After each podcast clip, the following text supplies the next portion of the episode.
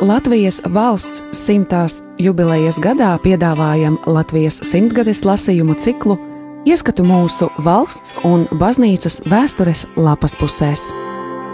Julians Vaivots Septiņi mēneši Liepājas cietoksnī. No 1944. gada 9. oktobra līdz 1945. gada 9. maijam.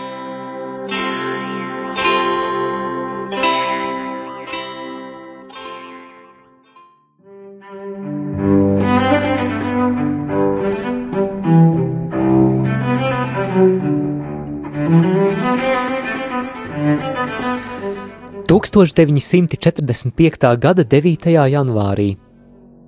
Kā gudram teļam divas mātes, tā man divas vārda dienas - viena 7. un otra 9. janvārī.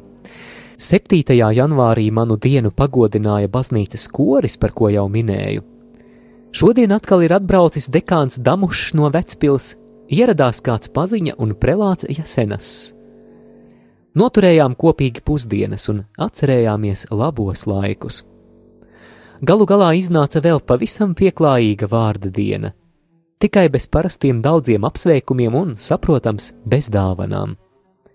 Viens puķu pots kā par brīnumu bija radies, lai gan neizprotami, kur un kā tagad liepājā vēl puķes dabūjamas, jo privātie veikali vairs neeksistē. Thank you.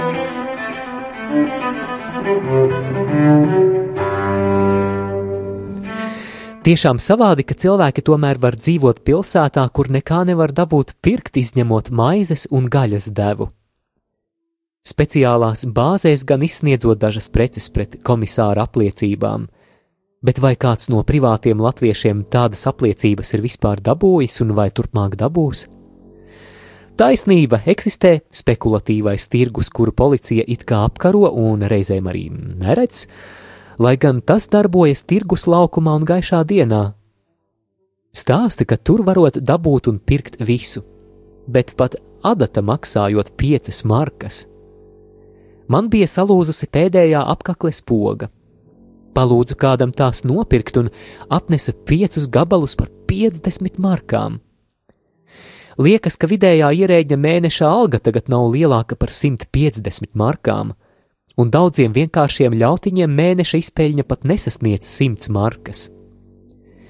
Ja viss būtu dabūjams par oficiālajām cenām, tad visi varētu dzīvot labi, jo tās ir tiešām zemas.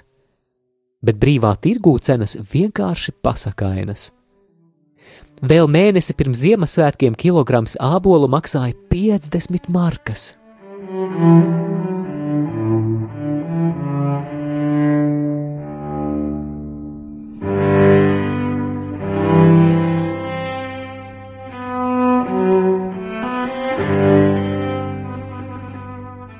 1945. gada 10. janvārī. Šodien pēc garāka laika bija ieradies veco kapu sargs. Nezināju, ka viņa bēdas ir tik lielas, lai gan kaut ko biju dzirdējis. Izrādās, ka 21. decembra vakarā uzlidojuma laikā viņš ir pazaudējis divus ģimenes locekļus - sievu un sievas māti. Viņš pēdējā laikā dzīvoja Zirņu ielā, jo no kapsētas rajona, kur kapsētā atrodas viņa mājiņa, visi civiliedzīvotāji izvākta līdz pat Raiņa ielai. Zirņu ielā numur 4 vairāki iemītnieki pa lielākajai daļai sievietes un bērni uzlidojuma laikā atradušies patvērtnē, starp tiem arī kapu sarga sieva un sievas māte. Trauksme vēl nav bijusi dota, bet zenīta artilērija jau šāvusi. Tāpēc sievieši aizgājuši uz patvērtni, bet viņš pats, teikdams, ka vēl nesot kur steigties, palicis istabā. Tanī momentā bumba nokritusi tieši patvērtnes galā un to sagrāvusi. Sarks un vēl viens vīrietis tūlīt sākuši aizbērtos atrakt, un no viena patvērtnes gala arī izvilkuši pāris ievainotu sieviešu un bērnu. Kāds cits bērns ar gaisu bija aizsviests no patvērtnes, bet palicis dzīvs. Lai dabūtu citus ārā, vajadzējis rakt no otra gala, un drīz arī atrakuši nonāvētas viņa sievu, sievas māti, četras citas sievietes un divus bērnus. Pārējie bijuši mazāk vai vairāk ievainoti. Viena ievainotā vēlāk saslimusi ar asins saindēšanos un tagad atrodoties slimnīcā. Kapa sarga sieva un sievas māte bija luterticīgas, tāpēc man par viņu apbedīšanu nekas netika ziņots. Visus nonāvētos otrā dienā aizveduši uz tā sauktajiem krusta kapiem, kur agrākajā žīdu morgā tagad notiekot nonāvēto sekcija. Līķu tur esot bijis daudz, tā ka nespējot sekciju visiem izdarīt. Arī pie saviem piederīgajiem kapsargs nekādas sekcijas pazīmes nav atradis. Vīķi izdoti privātai apbedīšanai. Te atkal kāds gadījums, ka cilvēks palika dzīves tāpēc, ka neaizgāja uz patvērtni, bet kas pasteidzās, tie nonāvēti. Visur redzama likteņa roka.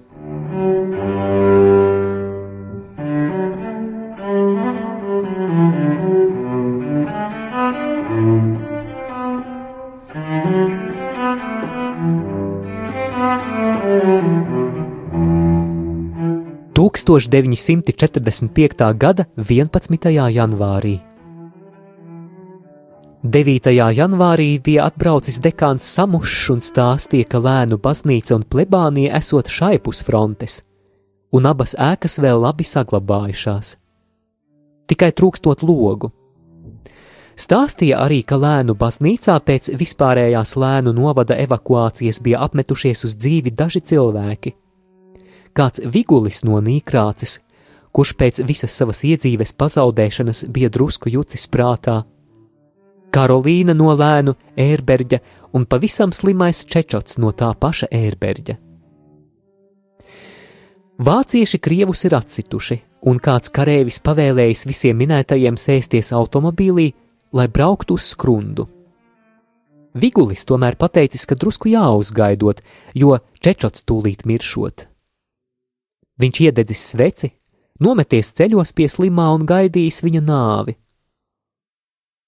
Tā tomēr ne katru reizi nāk, kad viņu sauc.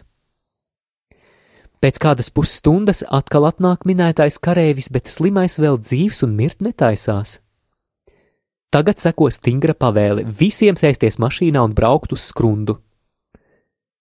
Tur Čečots nodots komandantūrā, bet pārējie divi izsēdināti uz tirgus laukuma kopā ar savām mantām.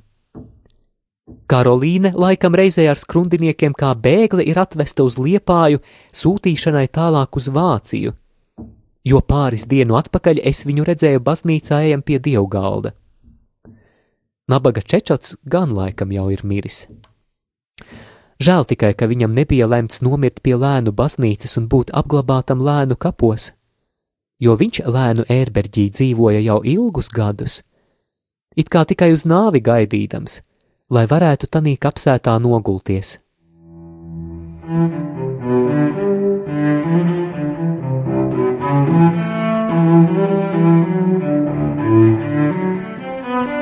you.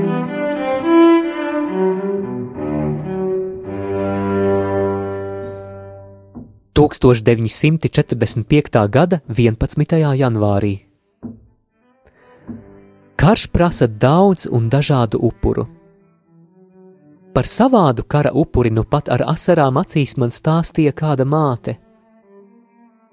Viņas 14 gadus vecais dēls, apdāvināts un no dabas labs zēns, kā jau katrai mātei savs bērns liekas labs un apdāvināts, ir nokļuvis sliktu draugu sabiedrībā Viņš nedēļām ilgi nenākot mājās, braukājot apkārt spekulēdams. Par tirgošanos ar kādiem tur revolveriem jau pāris nedēļu nosēdējis cietumā, un tikai ar mokām mātei izdevies viņu dabūt ārā. Tagad, pēc kādas nedēļas prombūtnes, satikusi to tirgū.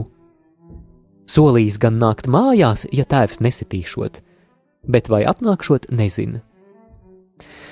Viņš esot iesvētīts, bet pie dievgalda jau sen nesot bijis. Nu māte grib, lai par dēlu lūdz dievu un solīja arī viņu atvest pie bikts, bet vai nav jau par vēlu? Māte diezgan inteliģenta sieviete, un tēvs arī. Tiešām jābrīnās par šo parādību, un nezin, kas vainīgs, vai nemākulīga audzināšana, vai kādas iedzimtas tieksmes.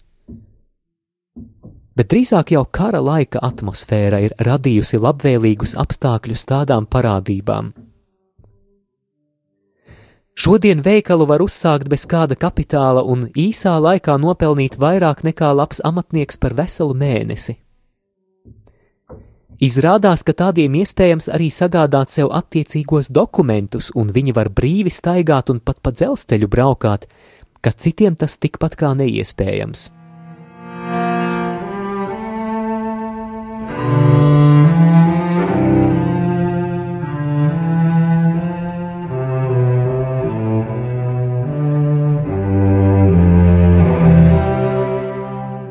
Pirms brīža atkal man ziņoja, ka kāda katoliete nokļuvusi bezizējas stāvoklī. Esot pavisam slima, guļot istabā ar izsistiem logiem un nesot pat segas, ar ko apsekties. Bijušas viņai labas drēbes, pat kažoki un sudraba lietas, bet tagad esot līdz pēdējam veļas gabalam apzakta un tādā stāvoklī, ka pati sev nespējot sameklēt ēst, ja arī būtu kas ēdams. Bet kas tādam tagad var būt ko ēst, ja kartītes nav un nav mantas, ko pārdot? Nezinu, ko ar tādu iesākt, jo brīvu cilvēku tagad nav, kas uzņemtos viņu kopt. Bet vai izdosies viņu ievietot nespējnieku mājā, kā izdevās novietot Dokontovnu, nezinu. Katrā ziņā kaut kas jālūko izdarīt.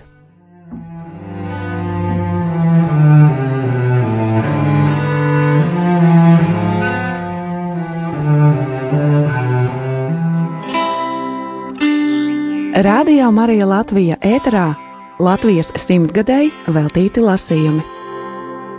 Julians Vaivots Septiņi mēneši Liepājas cietoksnī. No 1944. gada 9. oktobra līdz 1945. gada 9. maijam.